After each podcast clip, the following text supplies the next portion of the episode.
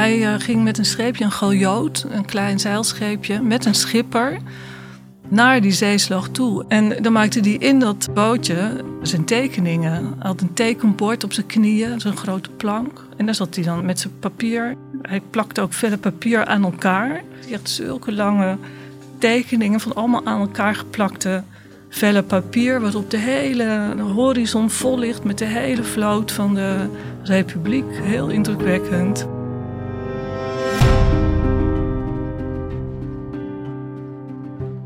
Je hoort Cecile Bosman, conservator bij het Scheepvaartmuseum in Amsterdam. Zij beschrijft hoe een 17e-eeuwse kunstenaar grote zeeslagen in beeld bracht, terwijl hij in een piepklein bootje op kolkende golven ronddobberde tussen halfgezonken schepen en rokende kanonnen.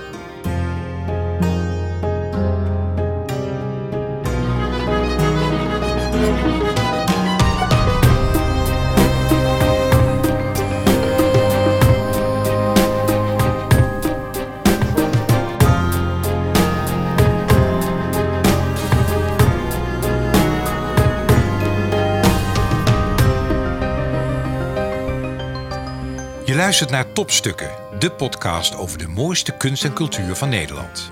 Mijn naam is Albert Verlinde. In elke aflevering praat ik met een expert van een museum of een andere culturele instelling in Nederland en stel ik de vraag: wat is jouw persoonlijke topstuk? We gaan in deze aflevering terug naar het jaar 1653. Het is de Gouden Eeuw. Een tijd waarin de Republiek der Zeven Verenigde Nederlanden een periode doormaakt van economische groei en ongekende welvaart.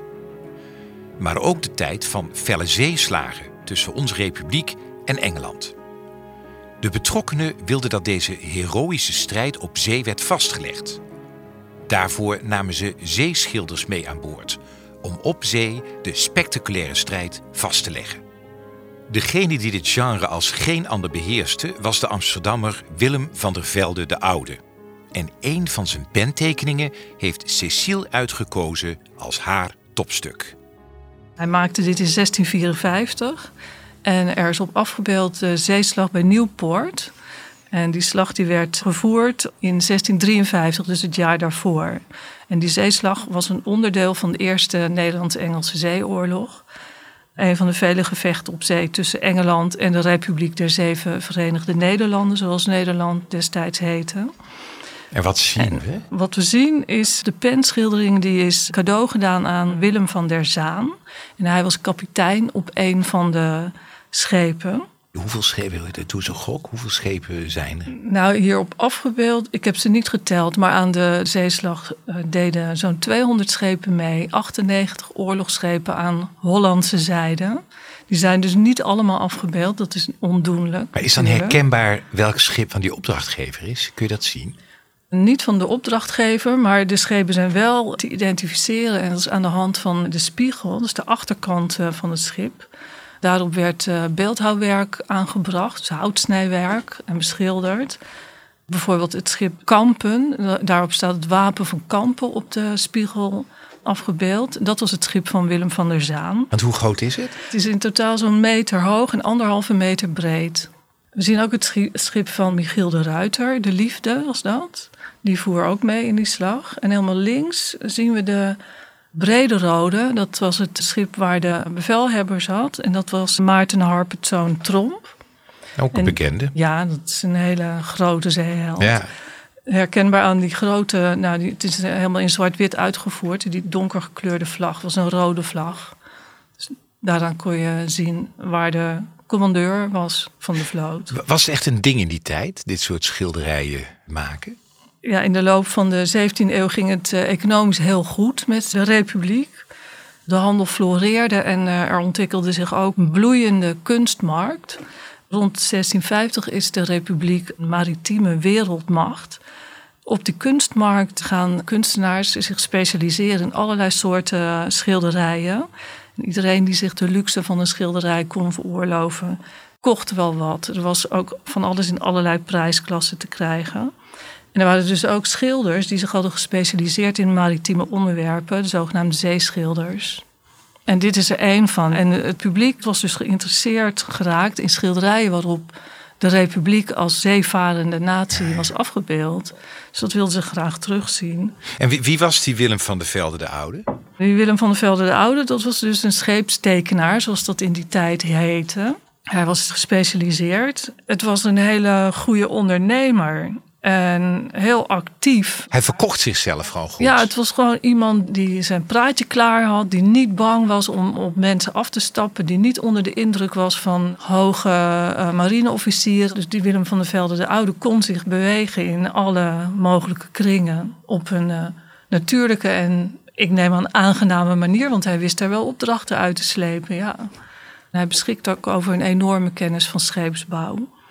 Want moet dat inderdaad? Moet je inderdaad wel weten hoe een schip in elkaar zit? Wil je hem kunnen schilderen? Ja, de beste zeeschilders die wisten precies hoe de schepen in elkaar zaten.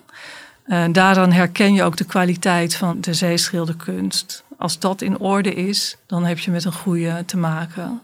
En als ze dan ook nog heel goed water konden schilderen. Dan, dat heeft deze ook. Hè? Want je ziet de scheep heel specifiek. Je ziet de strijd, maar je ziet ook het gekolk van het water. Die penschildering, dit is een penschildering was dus eigenlijk een tekentechniek, pen en met inkt op perkament.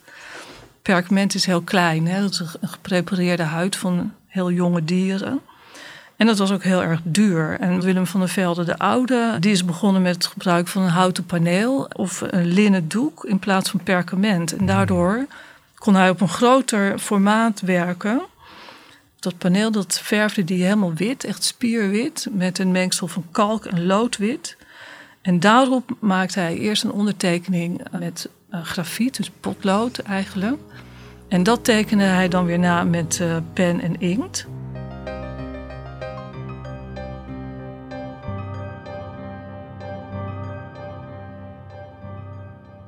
Door zijn vlotte babbel en talent voor netwerken groeit het atelier van Willem van der Velde de Oude hard.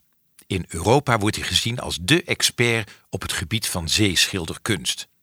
Hij maakt zo snel carrière dat zijn talent hem uiteindelijk zelfs tot het hof van de koning van Engeland brengt. Rond 1640 begon zijn atelier in Amsterdam. Hij woonde en werkte in Amsterdam heel goed te lopen.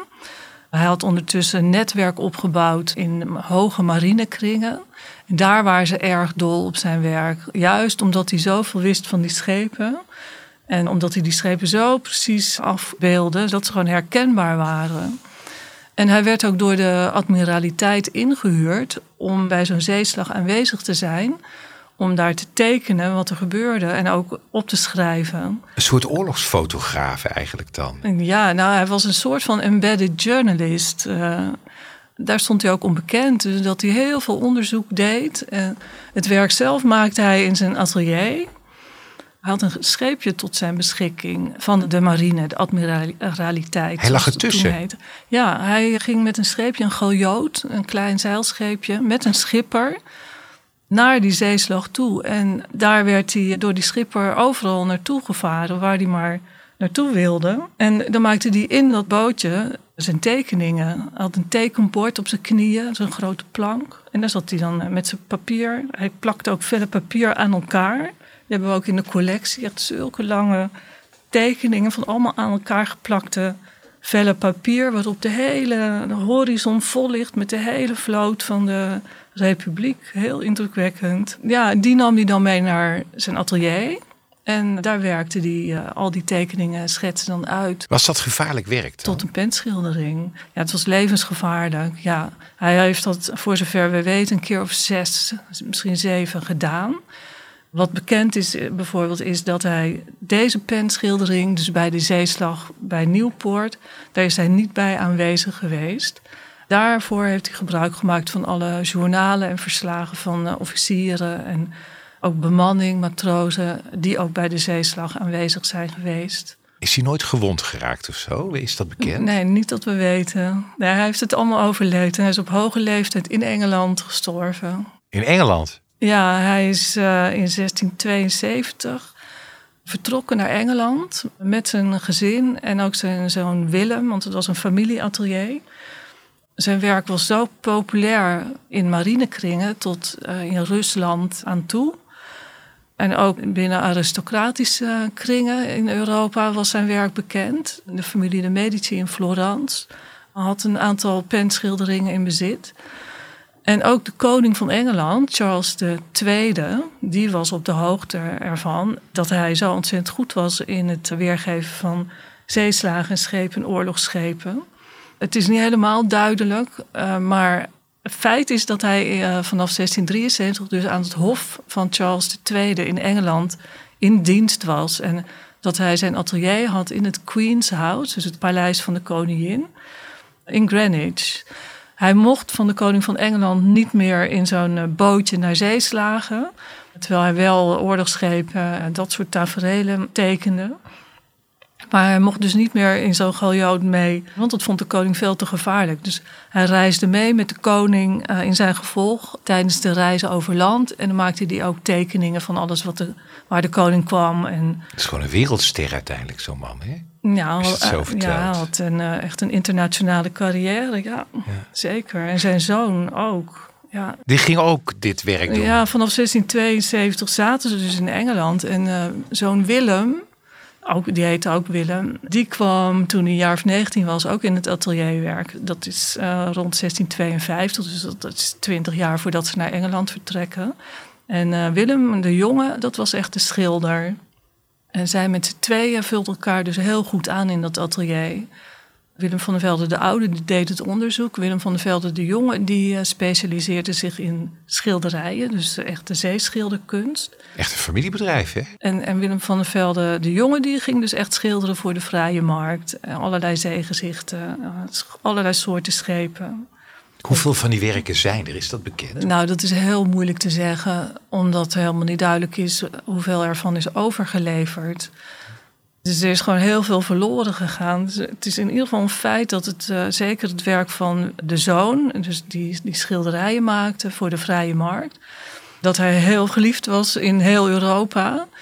En dat hij heel veel uh, gemaakt heeft in dat atelier waar ook assistenten aan het werk waren. In hoog tempo. En daar hadden ze echt uh, goede samenwerking in met z'n allen. Om maar zoveel mogelijk productie te draaien.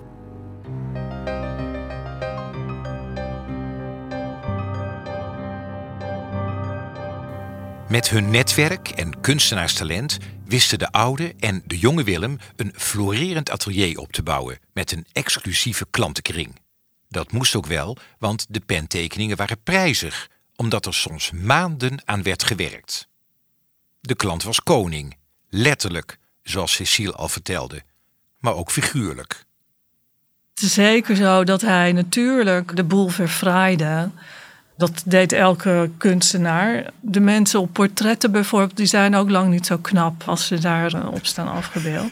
nou, dat deed hij ook. Wat je hier ziet, eh, dus die zeeslag van Nieuwpoort, die is verloren door de Hollanders. Echt, eh, het was maar ter nauwernood dat zij hebben kunnen ontkomen zonder dat die hele vloot ten onder was gegaan. De Engelsen, die hebben die zeeslag gewonnen. Maar wat je ziet, is, je ziet vooral de Hollandse schepen vooraan. En hier links voor zie je zinkende schepen en allemaal mensen in het water. En dat zijn Engelsen. En dat zijn de Engelsen, ja. En het lijkt alsof die Hollanders alles onder controle hadden. Maar dat was dus helemaal niet zo. Ik snap dat hij zo populair was bij de admiraliteit. Want hij deed een beetje aan geschiedsvervalsing dan ook. Dit is wat ze wilden zien. Nou, het is niet echt geschiedvervalsing, maar het is een moment in de strijd. En het moment is dat uh, die Van der Zaan, dus, want dit was een cadeau aan de kapitein Willem van der Zaan, dat die overeind bleef. Hij redde een hoop Hollandse bemanningsleden uit het water. En hij wist door de Engelse linies heen te ontkomen. En dat is eigenlijk wat je hier ziet, dat moment. Dus dat hij tegenstand weet te bieden aan, de, aan die Engelse admiraals. Uh. Het is natuurlijk in die hele zeeslag het momentum kiezen. Dat werd overlegd bijna. Welk fragment bestel ik? Welk deel van het gevecht? Ja, dat werd met de opdrachtgever heel precies besproken. Ja. De kunstenaars maakten ook proefstukken. En die legden ze ervoor aan de opdrachtgever. En die moest dan zijn goedkeuring geven. En daarna konden ze verder om het uit te werken. Het kon natuurlijk niet zo zijn dat hij maandenlang aan zo'n penschildering gewerkt had en dat het dan werd afgekeurd.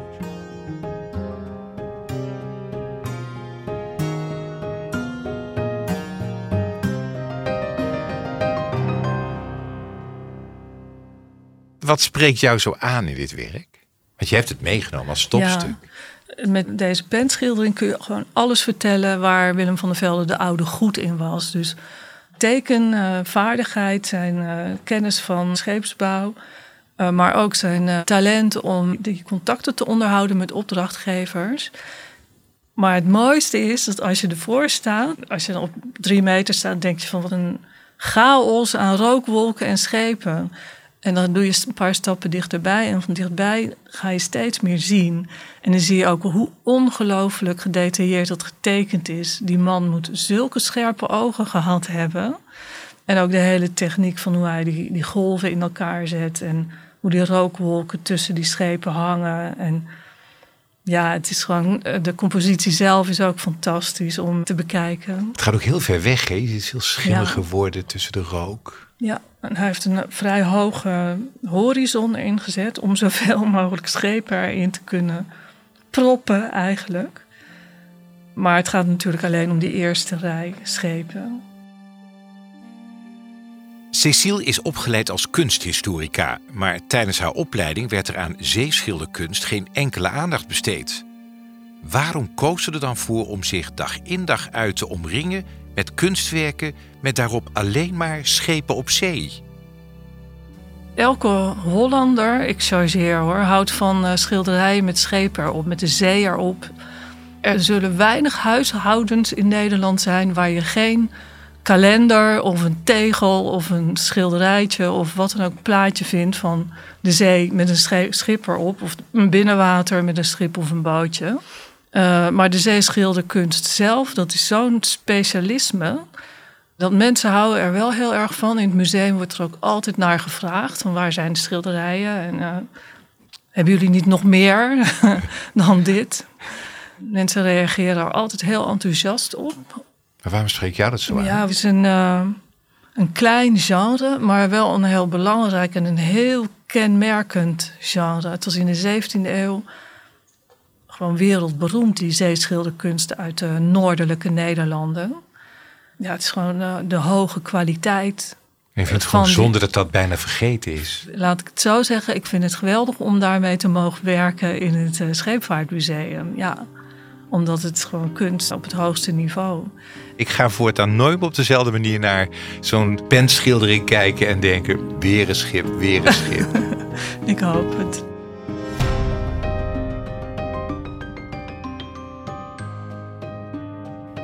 Je luisterde naar topstukken, aangeboden door de Vriendenloterij, de cultuurloterij van Nederland. Mijn naam is Albert Verlinde, ambassadeur van de Vriendenloterij. Ik ben er trots op dat wij cultuur steunen in heel Nederland, dankzij onze deelnemers. En als je meespeelt in de Vriendenloterij, ontvang je een VIP-kaart waarmee je korting krijgt op de leukste uitjes en gratis ruim 125 musea kunt bezoeken. Dus ook het Scheepvaartmuseum in Amsterdam.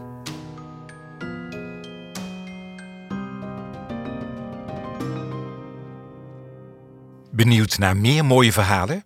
Abonneer je dan gratis op Topstukken in je favoriete podcast-app of ga naar topstukkendepodcast.nl.